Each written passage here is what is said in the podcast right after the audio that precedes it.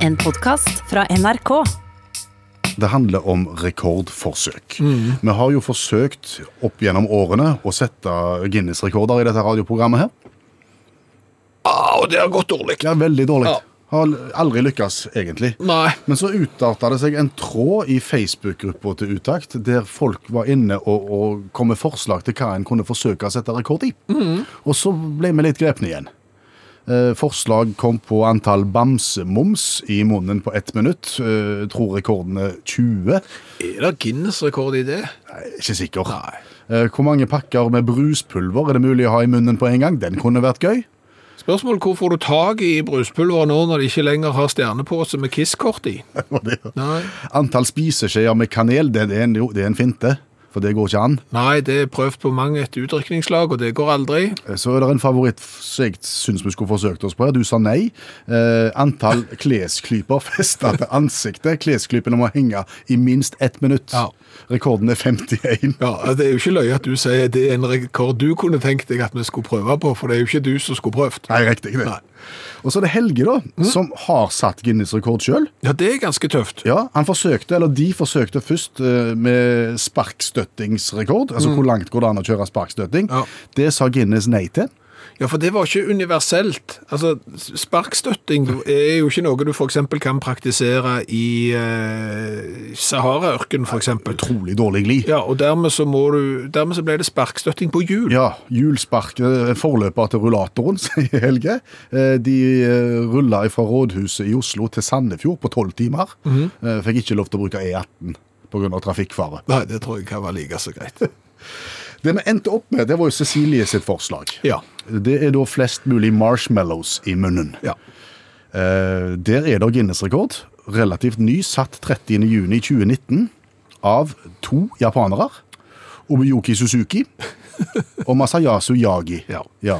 53 stykk. Ja, jeg har jo lurt på om de har gjort, altså når det er to stykker, om de har delt. Om det liksom, han ene tok 27 og han andre... Eh, men, det, men det er vel ikke det. Det er nok ikke det. Jeg tror de begge har klart 53 stykk. Og jeg, mm, i utgangspunktet når jeg hørte om den rekorden, så tenker jeg her burde det være mulig. Fordi at eh, jeg har vært i Japan. Ja. Jeg har gått i klesbutikk i Japan og prøvd å kjøpe klær. Eh, Det er bare, De rister på hodet og sier nei, eh, fordi de har ikke i din størrelse. Så japanerne er jo små. Så jeg bør jo på en måte ha mer volum overalt til marshmallows enn det japanerne bør ha. Det kan godt være at japanerne er større i kjeften, sa du. Ja, ok. Men OK. 53 er rekorden. Vi har salt opp fem skåler foran deg her nå. Det er ti i uh, hver av skålene. Det blir 50. Ja. Og så ligger det fire på sida, som da blir de siste fire som må til for å slå rekorden. Ja. Er du klar? Ja. Da sier vi bare klar, ferdig, gå. Og så må du gjøre det litt fort, for ellers er det dårlig radio. Ja, men herre... Du, du, du går nå løs på den første skåla og har snart Jeg må reise meg opp, så Ti. ser. Og det ser, ut, det ser ikke ut som du har plass til så veldig mye mer, vil jeg si. Men prøv. 11, 12 12 13, 14 15, 16 Det som skal sies i HMS-ens tegn her, det er at uh, i forbindelse med sånne konkurranser, så er det faktisk to mennesker som har mista livet opp gjennom årene. Men det har vært Ja. Så jeg skal være litt forsiktig her. Ikke ta mer enn du Du runder 20, faktisk. Du runder 20, Og der tror jeg vi sier stopp, jeg. Er du enig? Ja. OK. Du klarte ikke mer enn 20. Du er bare halvveis til rekorden. Men du skal få en ny sjanse. Ikke spytt ut ennå. Fordi Det finnes en avart av denne konkurransen her. En amerikansk variant som heter, som heter Chubby Buddy. Eh, og da handler det om å stappe en del marshmallows inn i munnen.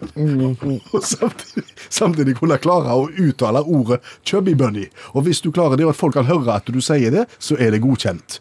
Nå har du 20 i munnen, og skal, du, skal vi høre om du klarer å si Da du har tatt ut fem, ja. Du har 15. Kan, kan du si chubby bunny? Nei. Ta ut fem til. Prøv nå. Det er godkjent. Men da er du faktisk nede på rundt syv marshmallows i munnen når du sier det. Og det er poor i forhold, ifølge reglementet til amerikanerne. Du skulle hatt over 20 for å få karakteren excellent. Jeg, jeg fatter ikke i videste all verden hvordan to japanere har klart 53 stykker på en gang. Nei, det var, det var smekkfullt hos deg på 20. Det var smekkfullt på 20, men de var gode. Hallo, ja. Hei! Hallais, skal jeg si. Hei, Stavanger-smurfen. Noe, noe i veien? Jeg er bare så allergisk. Allergisk. Ja, ja, ja, voldsom Stavanger-kameratene. Go, go, go, jeg skal trege deg igjen. Oi, så gale. Uff a meg. Uff, det er jo så alt eksploderte på en gang. Ja, ja, ja. Ja, ja, det ble jo plutselig sommer her for en liten uke siden, og alt vokste jo inn i himmelen og vel så det. Jeg husker du nevnte en gang at du var allergisk, men jeg har glemt hva du var allergisk mot. Alt. Alt, ja. Ja, ja, ja, det er hassel, ord, selje, pil, bjørk, gras, burot, gran, furu, kanin, hest, ku, og, og jeg tror det er noen andre krypdyr òg der. Jeg, jeg husker ikke. Det er så mye. Hvordan forholder du deg til hverdagen da, når det er blitt sånn? Ja, det er derfor jeg ringer. Ja. Kan du handle for meg? Kan du ikke gå ut, nei? Jo, jeg kan gå ut, men jeg kommer ikke inn. Hva da? Jeg har jo prøvd å gå inn i butikken, og så Oh, ja. Så rant jo nesen! Og så begynte jeg å nyse. Og så sa de nei, det er fullt. Så slapp jeg ikke inn. Så prøvde jeg å si at jeg har ikke sånn korona. Jeg har ikke det, altså. Jeg er bare allergisk mot hassel, ord, selje, pil, bjørk, gras, burot, gran, furu, hest, kanin, hund og katt og noen andre krypdyr. Men den gikk det ikke på? Den gikk det ikke på! Og det er derfor jeg ringer deg her nå, for at dette må vi bevisstgjøre folk på. At det kan være allergikere der ute ja, som er uskyldige? Det kan være uskyldige allergikere som nå ikke får sitt daglige brød fordi at de ikke slipper inn Skjønner. når de går ut. Når, ja, OK. Ja, nei, jeg skal gjerne hjelpe deg, altså. Jeg skal ikke stoppe det. Handler du? Ja. Ja, altså, da skriver du nå. Jeg må, jeg må ha en penn. Ja, få finne en penn. Ja, skal vi se. Har du den? Ja. Jeg har penn. Ja. Ok, da noterer du. Yes. Taco Taco skal du ha. og pils. Og det var alt. Ja, for så vidt. Det holder det en stund, ser du. Det hørtes ut som en fredagsmeny. men Det er jo mandag. Ja, ja, men hver dag er helg, vet du, Klingsheim. Det Kvinneslandet, Ja, samme hva det er. Du må leve i nuet og nyte det. Det er derfor jeg nå bare bestiller taco og pils. Så får vi ta det andre etterpå, når dette mirakels er ferdig. Okay. Så bare setter du det på døra, og så ringer du, så går jeg ut og henter. Ja, OK. Uff. Å ja, det er så gale, altså. Men det gir seg sikkert snart. Jeg har fått noe, kjøpt noen sånne medisiner. Å ja. Ja. Har du kjøpt Hvem har du fått Eller hvor har du vært og fått tak i deg? Det var kajakken som hadde de. Naboen? Ja, han hadde fått de fra noen på en sånn polske båt her for en stund siden. Ja. Har du prøvd de? De funker som snus, seg Kvinnesland? Ja, samme kan det være. Du blir så blid, og jeg har ikke sovet på tre dager. Så dette funker så bare det. Ja, men tar det allergien? Ja, det òg. Vir virker som det virker på alt. Men nesen renner like mye. Men det driter vi i nå hvis du handler, så går dette så bra. Ja vel. Kan bli, kan bli bra, dette. Ja, ja, ja, vi snakkes. Kjekt å snakke med deg. Ha det. Jeg forstår ikke hvorfor eh, godteri, smågodt, er mye billigere i løsvekt enn i pose. Altså I utgangspunktet så ville jeg sagt at jeg sitter med en følelse av at løsvektgodteri egentlig er steindyrt. Men når jeg vet at du før påske handla 2,5 kilo melkepletter, så, Ja. så, så, så framstår du som en fagmann på, Ja, ja, dette området. Så da må jeg bare lytte til det du sier. Ja, men altså, dette, dette har jeg forska på i årrekke, så, så det er jeg helt 100% bombesikker på. Og, og gjerne den samme typen òg. Altså, en av mine favoritter her nå, uten å drive for mye reklame, det er jo Crispo. Ja, ja, OK. Crispo det ser jeg for meg som en hel sjokolade. Som en litt stor hel sjokolade. Det fins òg i eh, løsvekt, i smågodtvariant, og, og Crispo kan jo få en eh, person til å bli nesten religiøs. Eh, Så, så det er skikkelige greier. Og den er mye rimeligere i løsvekt enn i pakken når den er pakket inn liksom i papir. Og hva da for? Ja, Går du på kiloprisen, da? Er det det du beregner det ut ifra? Ja, og kiloprisen på smågodt varierer jo. Noen kjører sånn tilbud til 9 kroner 80 for eksempel, inn mot eh, helg, eller så er det gjerne 13,90, 14,90, 15,90. Men kjøper du eksempel en stor melksjokolade i uh, innpakt, så er det jo gjerne godt over 200 kroner kiloen, og noen er på 300 òg. Og hvorfor er det sånn, ja? Ja, og Har du- hvorfor er det sånn? Har du gjort deg noen refleksjoner rundt akkurat det? Ja, Jeg har prøvd å tenke meg om hvorfor det skulle være sånn, men jeg klarer ikke helt å, å, å finne ut av det. Fordi at eh, Først så tenkte jeg jo litt på jordbær. på, på sånne jordbær i løs i, i smågodt. Nei, Nei. jordbær. Og ordentlige jordbær. Ja, det var jo en tid eh, du kunne gå og plukke jordbær sjøl. Ja. Sjølplukk. eh, Det var jo billigere enn å få de ferdig plukt. Ja, så da overfører du den til sjølplukk av godteri? Ja. At det skulle være billigere enn ferdig lagd godteri? Ja, men så begynte jeg å tenke meg om, og så forsvant den teorien relativt fort. Fordi at du produserer et smågodte, så må du liksom i en eller annen form få det oppi noen plastikkesker som du skal sende ut til butikken. Så skal butikken gå og så hente dette oppi de andre der vi skal gå og forsyne oss. Og, så, så det er en del arbeid forbundet med det, og all sånn form for pakking på en sjokoladefabrikk vil jeg jo anta er 110% automatisk, og der er det ikke noe mer på en måte å spare. Teorien røyk. Ja, og dermed så hadde ikke flere.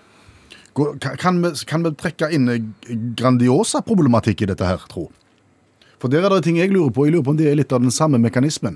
Hvordan klarer du å få inn ferdigpizza nå i en veldig viktig prinsipiell smågodtdebatt? Det er ikke vanskelig, skjønner du. Okay. Fordi at jeg er jo blant de som foretrekker Grandiosaen uten paprika. Ja.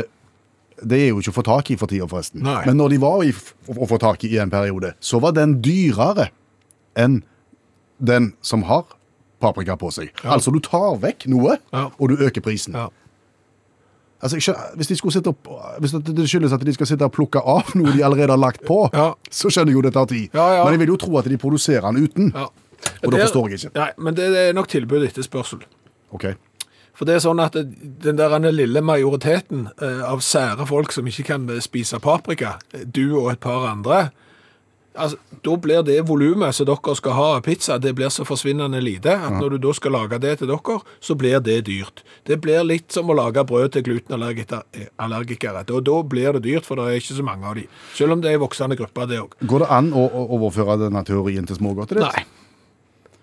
Det gjør ikke Nei, for jeg vil jo tro at grupper som vil ha stor sjokolade, er større enn grupper som vil ha smågodter. Nei, det tror jeg ikke. Jeg tror det er to store grupper. Jeg tror det er egentlig ei stor gruppe som vil bare ha godteri, og vi vil ha det så billig som overhodet mulig. Ja så jeg skjønner det ikke. Vi kom ikke lenger nå. Vi kom ikke lenger, men det er klart at da bør Nidar eller noen ringe til oss og forklare hvorfor det er sånn, for det, det henger ikke på greip. Forrige uke så åpna siste rest av eh, norgeshistoriens største samferdselsprosjekt. Ja, Det kalles Ryfast, og det består av en mengde med tunneler og motorveier og greier og greier. Det første åpna rundt eh, nyttår, og, og siste rest nå, og det var forsinkelse på forsinkelse på forsinkelse. Først så ble det forsinka fordi at uh, ting som skulle testes, tok lengre tid. Uh, og så ble folk syke, så var det korona, og så tok det enda mer tid. Og så ble vi sittende og diskutere dette er fryktelig irriterende når ting blir så forsinka. Men så er det jo dette med perspektiv, da. Kan forsinkelser også føre til noe godt? Allmennlærer med to vekttall i musikk, Olav Hove. Du er med oss fra heimen. Hei, hei. Hallo, hallo. Kan det føre med seg noe godt? Altså, det er slik at det er bedre at ting er forsinka enn at det er åpna for tidlig. Er det eksempler på at prematur åpning er galt? Mm, og nå skal jeg ose litt av min livsvisdom til dere her. For jeg har kjørt forbi denne veien mange ganger, og av og til så irriterer jeg meg bitte litt. Og da tenker jeg alltid Terminal 5, Heathrow. Og så roer jeg meg ned med en gang. men, men hva er det med Terminal 5 på Heathrow, for jeg har landa der, jeg? Ja, Han ble åpna 27.3.2008. På datoen når han skulle åpne. Helt på tide. Men så er det ting som tyder på at det kanskje var litt tidlig åpna. Hva er det som har skjedd? Nei, For det første så det ble litt forvirring, for dronning Elisabeth åpna den da. Men hun åpna den den 14. mars, så allerede der var det litt kaos. da. Hun åpna den altså rett og slett eh, 13 dager før han skulle åpne, pga. sikkerhet og sånne ting. da. Og Så kom passasjerene den 27., men dette hadde ikke alle fått med seg. Så den morgenen der så møtte det opp en god del folk som hadde lyst å se dronning Elisabeth. I tillegg så møtte det opp ganske mye folk som skulle reise med fly. Og i tillegg så møtte det opp 300 stykker som skulle protestere mot at de skulle åpne terminalen. Utgangspunktet da mye folk. Ja, Så dronning Elisabeth hun var der jo ikke. Nei da, det var ikke hun. Så da blir folk litt sure i tillegg. Men til en sånn stor terminal så tilhører det jo en parkeringsplass. Den var stor og fin, men de hadde slurva litt når de skulle mer merke hvordan parkeringsplassen var, så de hadde ikke hengt opp noe særlig med skilt. Derfor så kjørte de biler att og fram og lurte på hvor i helsike skal vi parkere den morgenen der. Og dermed så hadde du litt kaos. De som hadde ansvar for å henge opp skilten, de hadde òg ansvar for å henge opp skilt til parkeringen til personalet. Så da var det samme problemstilling. Stor del av personalet kjørte rundt i villrede og ante ikke hvor de skulle parkere hen. Så når folk da etter hvert kom seg inn, så oppdaga en fort at det var et eller annet kluss med bagasjen. Når du sjekka inn bagasjen, så kom ikke bagasjen til flyene. Det medførte at allerede en og en halv time inn i den nye terminalen så hadde ti fly letta uten bagasje. Så viste det seg da at bagasje ut og bagasje inn-programmeringen da er det samme greia. Derfor så sleit en litt med å få bagasje ut òg. Derfor så begynte folk å vente sånn oppimot to og en halv time før de fikk bagasjen sin, hvis de fikk den. Og det gikk altså, det begynte å, å hope seg opp da, og ble liksom sånn klump med bagasje som ikke kom inn i denne utleveringen. Og Dessuten så kom det på feil bånd, så de som, skulle, de som kom fra Zürich, de måtte gå på Tokyo-båndet. Og de som kom fra, Sur fra Tokyo, de måtte gå på, på, på Manchester-båndet, osv. Til slutt så ga en opp, og så, og så leverte en bagasjen på terminal 4. Så skulle han kjøres tilbake til terminal 5. Problemet var at de som hadde ansvar for skiltingen av parkeringsplassen, hadde òg ansvar for skilting av hvor hen leverer du bagasjen på terminal 5. Dette her medførte at før klokka hadde sleget to, så var det 34 fly som var, var kansellert. Og To dager inn i denne nye terminalen så var det 20 000 kofferter som hadde hopa seg opp på ankomsten i, på, på Hitro. Uh, og, og tre, tre, måneder etterpå så var det fortsatt 900 kofferter som forsvant daglig. Og dermed hadde du det gående. På toppen av det så skulle den olympiske ild komme. Det var jo OL det året. Og den skulle komme fra Kina, så skulle de ha en liten stafett i London. Du kan tenke deg sjøl. Her har vi 20 000 kofferter i en klase, og her kommer det en olympisk ild. Så den måtte returnere og komme tilbake på et senere tidspunkt. Så ilden gjorde altså vendereise. I tillegg måtte British Airways ha en 20 millioners kampanje ute i avis og TV der de sa at og dette her var et halvt år etterpå, nå begynner ting så smått å virke, så de kan, de kan begynne å reise. Så det er bedre med litt forsinkelser, gutter, enn at det åpner for tidlig. Det er moralen. Tusen takk skal du ha, allmennlærer med to vekttall i musikk, Olav Hove. Jeg har fire badebukser. Du har fire badebukser? Det var mye. Det er vel kanskje fordi at jeg ikke kvitter meg med ting. Altså, Hvis du spør andre i husstanden hvor mange badebukser jeg har, så vil de si at jeg har kanskje én. For de mener at jeg ikke bør bruke de tre andre. Men, men, de funker, de. Altså Når du sier badebukser, ja. tenker vi da speedo? Ja. Små og tette, eller tenker vi mer boksershorts, litt sånn badeshorts Hawaii litt lenger? Jeg har en speedo. Du har det, ja? ja. men, men, men, men speedo er et merke, da. Så han er jo badeshorts. Oh. Så, men det er jo litt kjekt å kunne si at du har speedo, da. For du har jo det, selv om det ikke er sånn du vil at speedoen skal være. Nei, det er fire badeshorts, ja. Ikke spesielt interessant å høre for mye om hvor mange badeshortser du har, tenker jeg. Skal vi bare gå videre? Er litt interessant når jeg kommer til problemstillinga. Oh. Fordi at eh, alle disse badeshortsene, mm. de har snøringen på utsida. Ja, det er vanlig på badeshorts. Ja. ja. Og, og, og så har jeg skibukse. Jeg har fotballbukser, jeg har joggebukser, treningsbukser og all slags andre bukser med snøring i. Og alle disse ja. har snøringen på innsida. Ja, du sier noe. Det er lettere å, å knytte på utsida. Det er mye lettere å knytte på utsida. Ja. altså, jeg, jeg, jeg, må si, jeg må alvorlig si at jeg sliter, fotballnikkersen sliter jeg med. Innsideknytting? Ja, fordi at den fotballnikkersen kjøpte jeg på salg. Og, og han var så svær. Du, du ikke tro hvor han er altfor stor for meg. Og, og, dermed så må jeg jo Du må dra til mye? Ja, ja jeg må jo det. Mm. Og så er det jo sånn at når da snøringa er på innsida, så når jeg føler at jeg har stramt til, og så skal lage knuten, ja. så blir han slakk igjen. Så har du det gående. Mens på, på uh, badeshorts mm. så klarer jeg å stramme til, og det tror jeg jo er en fordel. Og jeg vet ikke om det er derfor han er på utsida på badeshorts, fordi at du skal kunne stramme han skikkelig. Ja, for du kan få leieepisoder hvis han er for slakk i pelsen. Det kan du, altså. Ja, jeg, jeg, så en eh, dokumentar på NRK her eh, nylig. Uh, Churchills liv i farger. Hvorfor blander du Churchill i dette? Jo, for han, for han, hadde, han hadde jo ikke speedo. Men hadde De hadde jo rare badedrakter og badebukser på den tida. Men han la seg da på ryggen på ei vannsklie, og så rant han med hodet først ned. Så, Winston Churchill? Winston Churchill. Og så hadde han tydeligvis ikke vært med, forsiktig nok med snøringer, sånn at når han da kom opp, så hadde han badebuksa i hånda.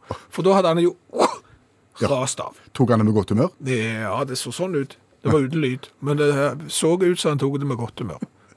Er det en forklaring på det? At, at, det kan være så enkelt, altså? At det er for sikkerhetsmessige årsaker, så har du knytningen på utsida?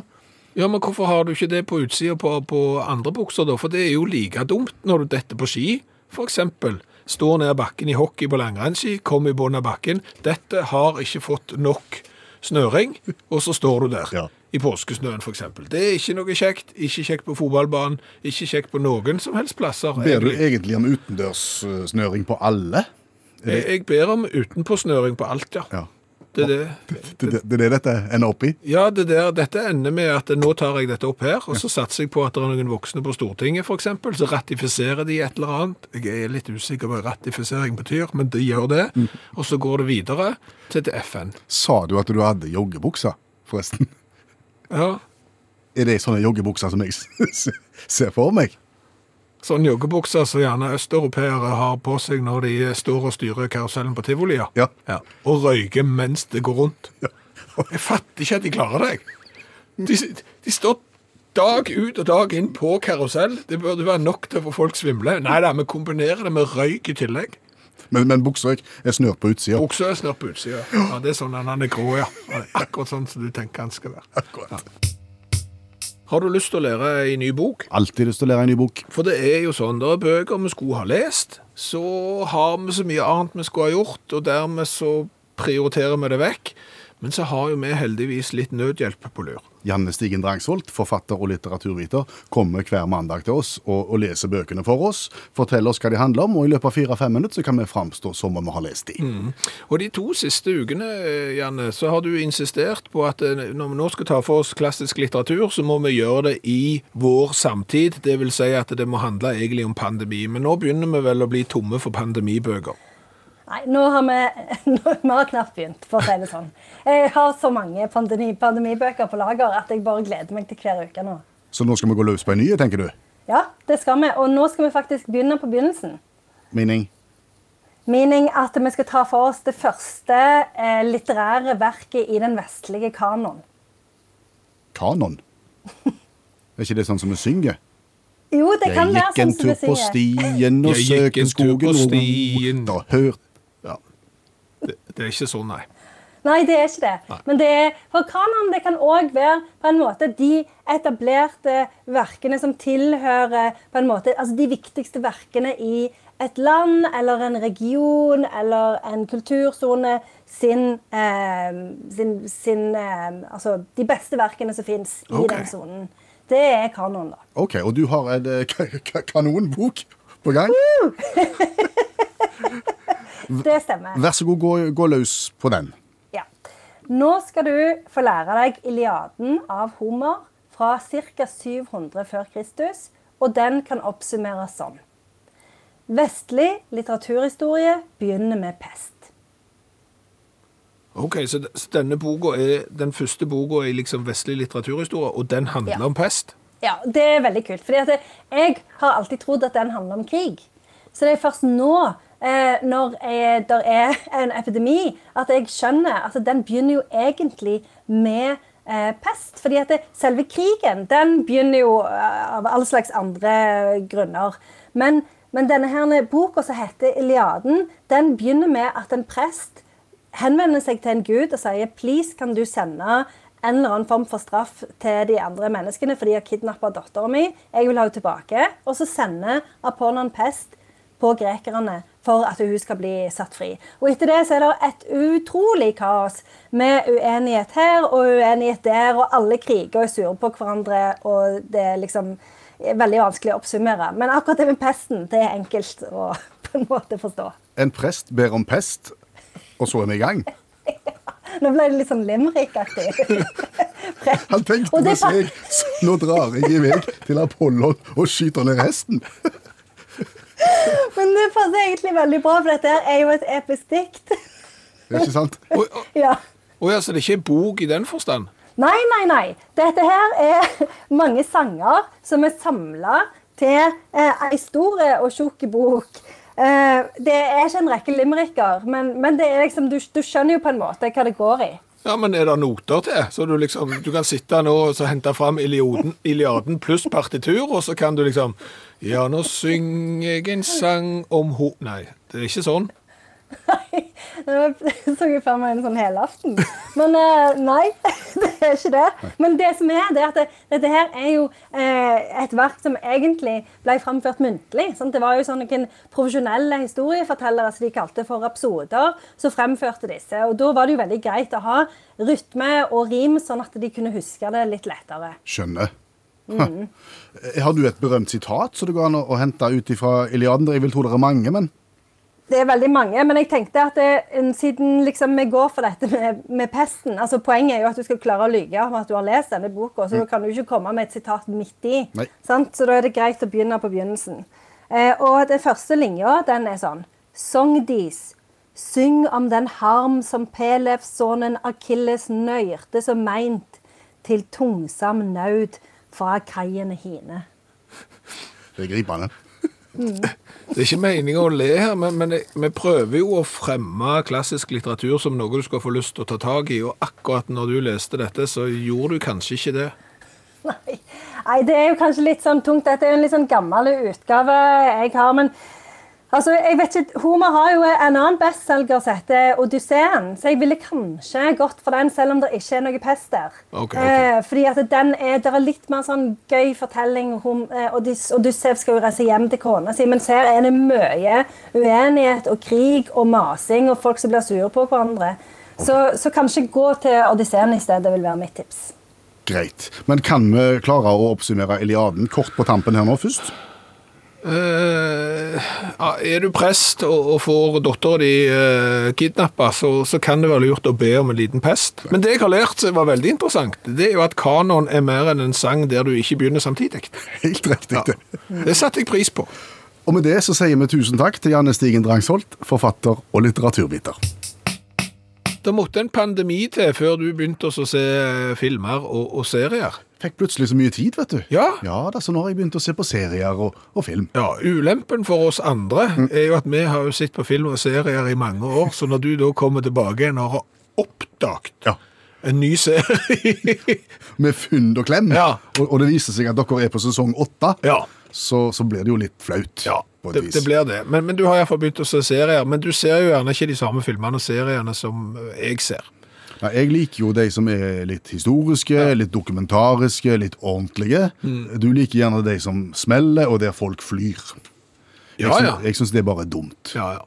Så, så, sånn er det. Men, men du, har sett, eh, du har sett en film for eksempel med tidsreise. Det har du sett. Å ja, jeg har jo sett tilbake til fremtiden. Ja. Alle sammen. Ja, Så du har fått, du fått med deg litt av sånne filmer iallfall. Ja. Og det slo meg, jeg har sett en del eh, filmer der folk reiser både til, fram og tilbake i tid. eh, og det var da det slo meg at det er ingen av de som blir syke eller tar med seg sykdom. De som reiser i tid. Ja. Nei. Altså, Da reiser du gjerne 100 år tilbake eksempel i tid, så havner du i første verdenskrig, sant? og det var difteri og spanskesyke og jeg vet ikke hva. Reiser tilbake igjen, har ikke med deg noen ting av det. Blir ikke syke, ingen verdens ting. Flaks.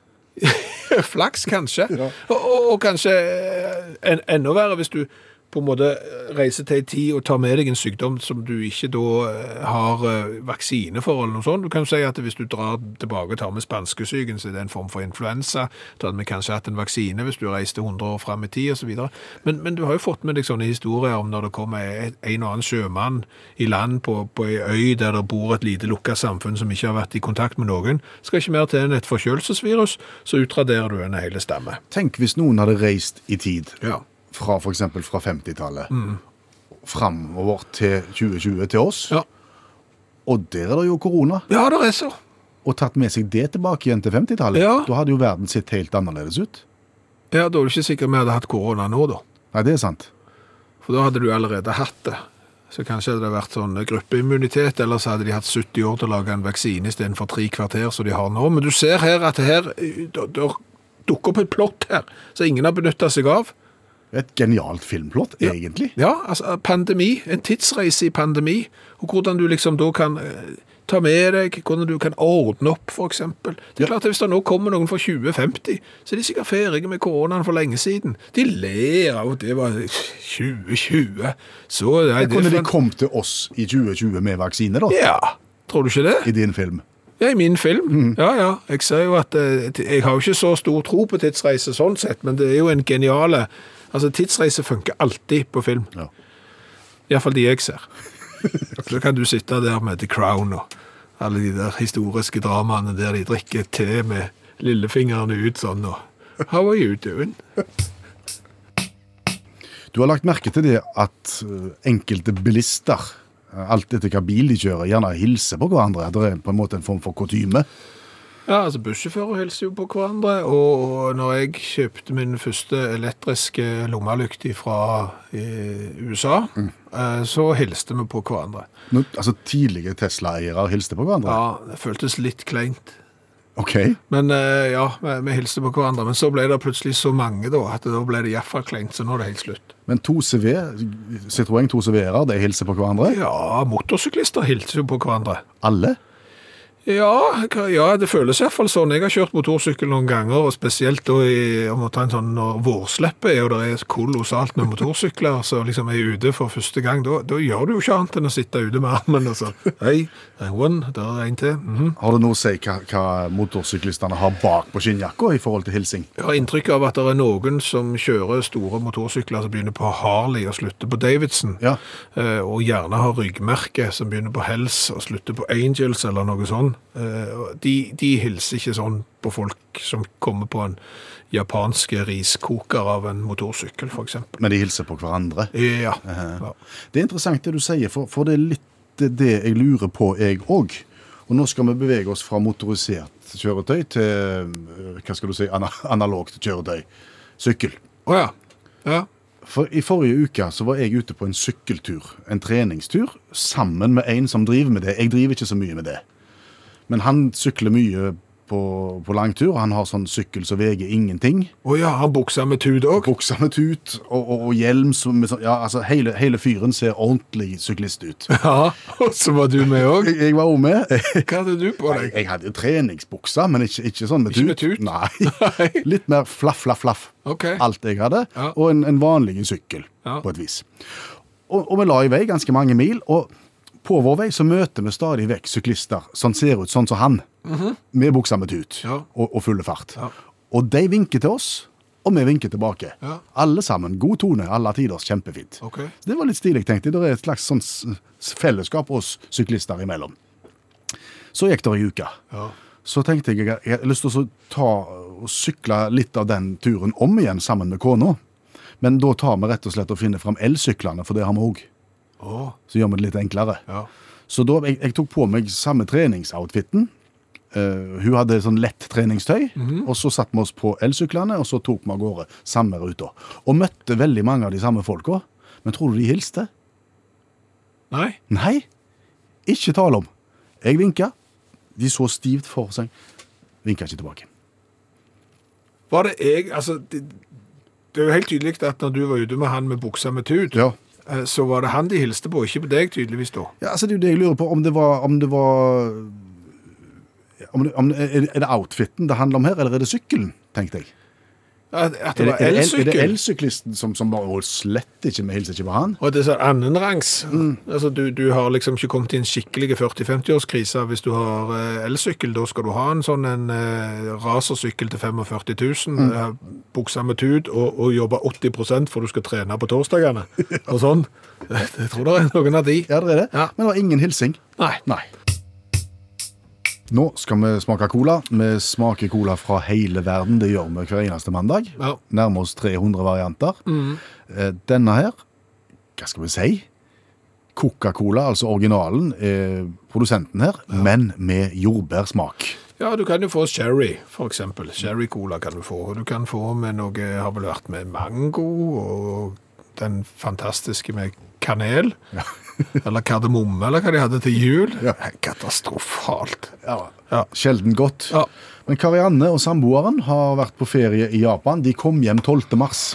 Ja. Sier den datoen det ja, jeg, har snakket med dem og hentet den. Eh, Jeg tror flybilletten hjem fra Japan ble fremskutt to dager. Skulle egentlig vært 14., og så lander du 12., så det raker veien rett i karantene. Den dagen hele Norge blir nedstengt. Ja. Men Coca-Cola med jordbærsmak, altså. Og jeg, jeg har prøvd å finne litt ut om den, og, og det jeg har funnet, er at den kun fins i Japan og i Kina. Og vårt eksemplar er altså kjøpt i Japan. Har du funnet ut hvorfor det er japanerne og kineserne som kun får eh, tilgang til dette? Nei, egentlig ikke, men jeg har funnet ut hvorfor de har lansert den omtrent akkurat nå. Eller det vil si, den ble lansert i januar. Okay. Den, den er her. Ja. Og vinteren er en slags sånn jordbærsesong i Japan. Ikke, ikke i bokstavelig talt, men eh, bakerier, konditorier osv. liker å blande rødt og hvitt Ja, i forbindelse med jul. For da har du julens farge og nissen og ho-ho og sånt. ja. Og så derfor så kom han i Ja, januar. de, de var litt seine, men, men det var nok kanskje tanken å få han inn til jul. Ja. Men det gjorde de altså ikke. Nei. Så den kom i januar. Den kosta 140 igjen. Da har du nesten ingenting igjen. Nei. Vet du hvor mye det tilsvarer? Ikke peiling. Ca. 14 norske kroner. Å ja. Ja. Så det er jo egentlig en enkelt uh, hoderegning. Hvis at du har 140 blir til 14, bare del på 10. Det er en stund til folk skal til Japan igjen, så det har du gjerne glemt ut. The, the Japan exclusive beverage is Coca-Colas first ever strawberry flavored cola. Første gang, og den er lagt for å appellere til unge damer som ikke vanligvis drikker cola. Sier Coca-Cola Company. Ok, så dette er liksom en måte å lure de inn i det der selskapet sammen med oss andre. Ja, men det- Oi, Du all verden. Fikk du med deg? det var da fus. Der var det fus. Ja.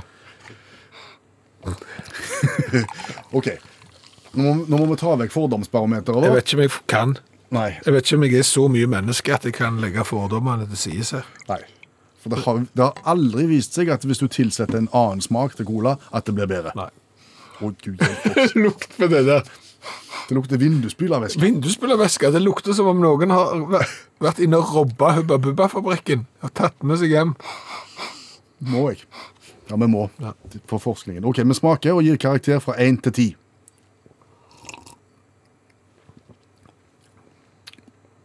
Fytti all Det går ikke an. Altså, Du har jo en forventning til at når noe smaker jordbær, så skal det jo på en måte være litt godt. Jeg hadde, det gjør ingenting om det ikke smaker cola hvis det smaker godt jordbær. Så det smaker ikke godt jordbær heller. Nei, det smaker dårlig kirsebær, Ja, det, vil jeg si. Og det er jo heller ikke godt. Nei. altså, Hvis det fins japanske damer som går på denne, så Vet du hva, det er ikke, det er ikke godt skussmål. Én.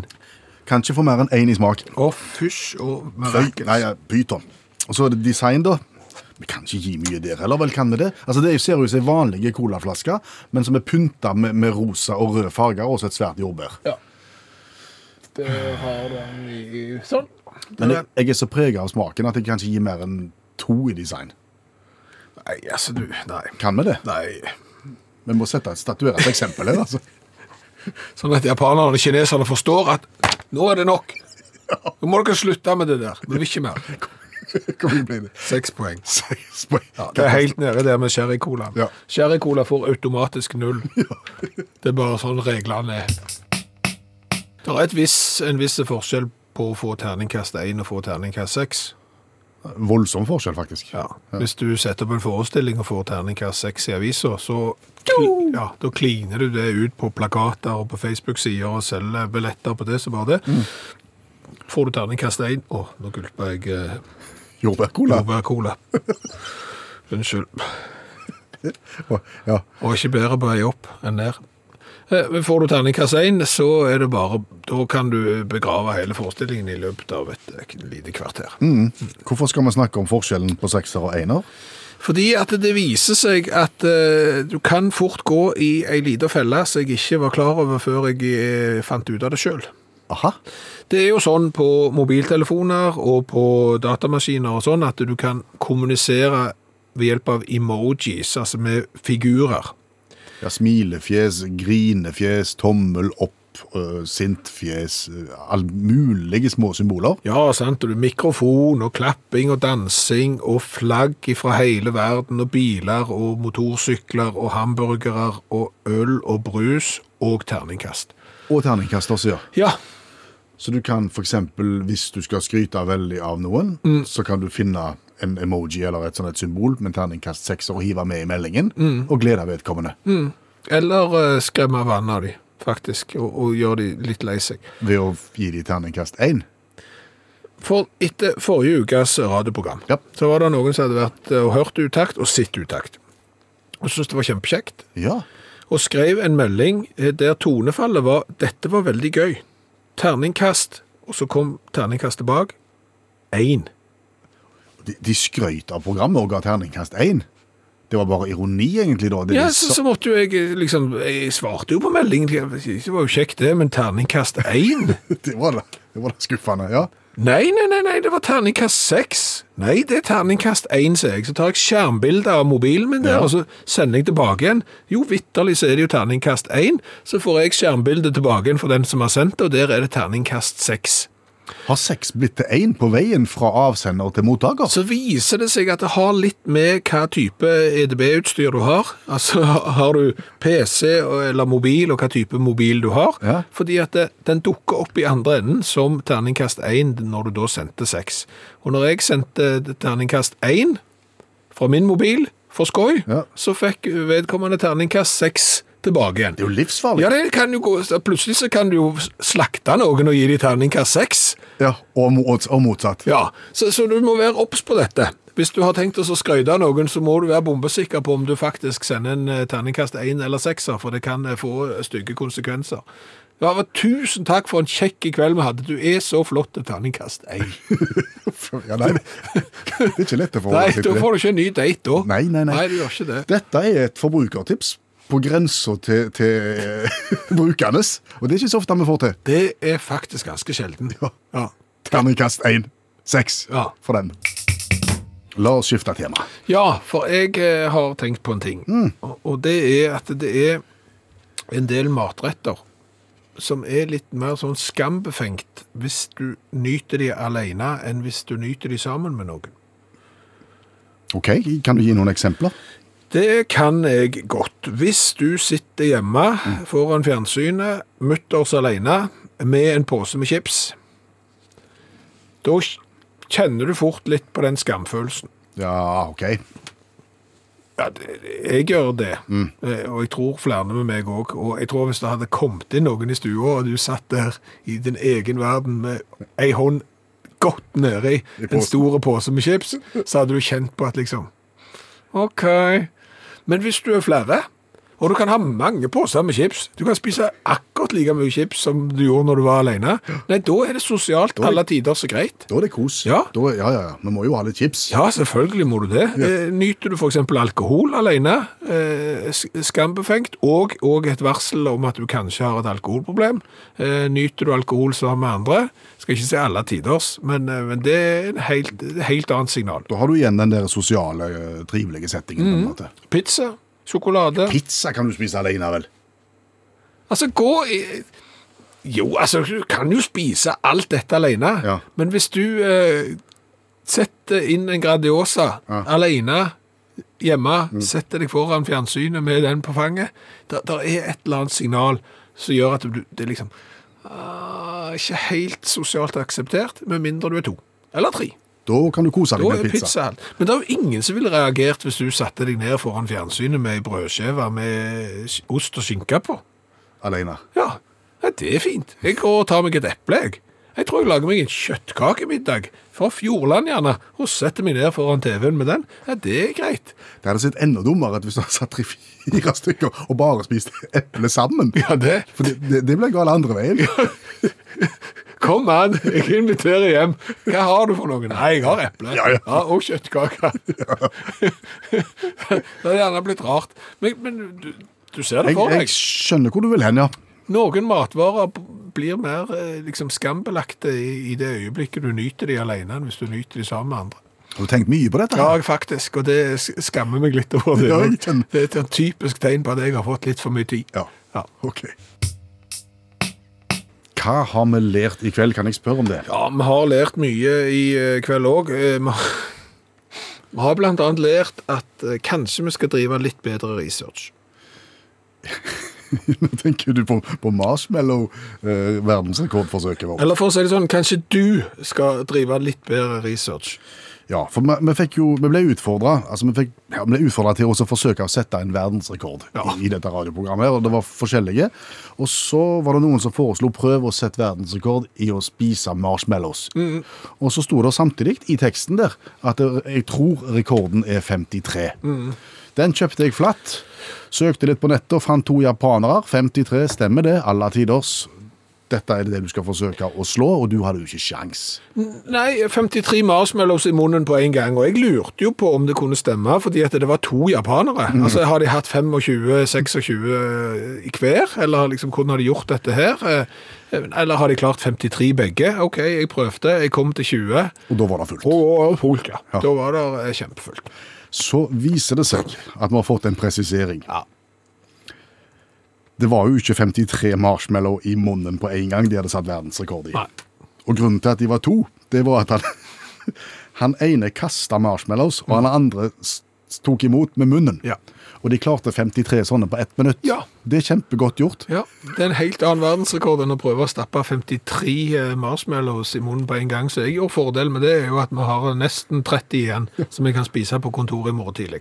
Men jeg skal ta selvkritikk Ja. på, på researchen min. Beklager den. Ja, jeg har prøvd å finne ut hva verdensrekorden for antall marshmallows i munnen på en gang er. Jeg er litt usikker, eh, for jeg har ikke funnet eksakt, men eh, det er nærmere 40 er det ting som kan tyde på, så jeg var ikke i nærheten med mine 20. Uansett. Og så har jeg også funnet ut, gjennom å ha forsket på dette her nå i løpet av programmet, at det å sette marshmallows verdensrekorder kan være farlig. Ja. Verdensrekorden på å spise marshmallows på ett minutt, eksempel, har ført til at det er faktisk noen som har blitt kvelt. Ai, ai, ai. Så det er jo ikke noe. Skummelt. Ja. Har vi lært noe mer? Vi har eh, vel egentlig løfta et spørsmål som vi ikke har fått svar på. Ja. Hvorfor løsvektgodteri er billigere enn eh, fast godteri, på en måte. ja. Altså, Hvis du tar en svære sjokolade, så koster den så og så mye. Hvis du kapper den opp i småbiter og selger den som smågodt, Ja. så er kiloprisen betydelig lavere. Ja, og figurer som du kan kjøpe i løsvekt er mye billigere enn hvis de allerede har tatt de samme sjokoladefigurene og hever de i en pose og lukter den igjen. Skjønner ikke hvorfor. Nei, vi skjønner ikke det. Men vi har lært det at eh, hvis det er forsinkelser i, i byggeprosjekt eller et eller annet som skal åpnes, så kan det kanskje være lurt å vente til ting er helt ferdig, og ikke være litt sånn premature med åpningen. For Terminal 5 på Heathrow ble åpna for noen år siden, og det burde de nok ikke ha gjort. Nei, for de var ikke helt klar, egentlig. Bagasjebåndene var f.eks. ikke klar, eh, og i månedsvis så hadde de vel 20 000 kofferter til overs. Parkeringsanvisningene var ikke klare, Nei. så det gikk galt, det der. Det gjorde det. Eh, Så har vi lært det at eh, motorsyklister de hilser på hverandre uansett hva sykkel de har. Å ja. Jeg ble jo ikke hilst på når jeg kom på elsykkel, når det kom en mann som sykla på rasersykkel. nå-. Nå snakker vi det motorsyklister, altså. Da er det ingen som hilser på deg uansett. Men Nei. det er det Annelise som sier. Eneste er når jeg treffer en grønne Kawasaki, da venter jeg med å hilse til de har hilst først. Og hva derfor? Jeg har ikke peiling hva det er med grønne Kawasakier, men det er kanskje et eller annet med grønne Kawasakier. Annelise har gjerne et horn i sida til grønne Kawasakier. Hva vet vi? Så har vi vel lært noe om eh, et filmplott, et filmmanus, som eh, vi s- ruger på, som er bra. Ja, det er nemlig sånn at det er kolossalt mange filmer opp gjennom historien som handler det om det å reise i tid. Ja. Men det er ingen som tar med seg eh, sykdom når de reiser i tid, og det har vi syntes var litt rart. Altså, du reiser tilbake til spanskesykens tid, så reiser du hjem igjen, men nei, er ingen har blitt syke. Så der ligger det et eh, kjempegodt plott. Ja. Og så har vi jo eh, lært kanskje det viktigste i dag. Japanere og kinesere er riv ruskende galne. Med tanke på hvilken cola de liker. Ja, Eh, ja. der selger de cola med jordbærsmak, og det er så vondt at det kan de ha helt for seg sjøl. Fullstendig. Ja. Var det alt, det, egentlig? Det syns jeg var haugen på nok. Ok, da, da tror jeg bare vi sier det sånn. Du har hørt en podkast fra NRK. Hør flere podkaster og din NRK-kanal i appen NRK Radio.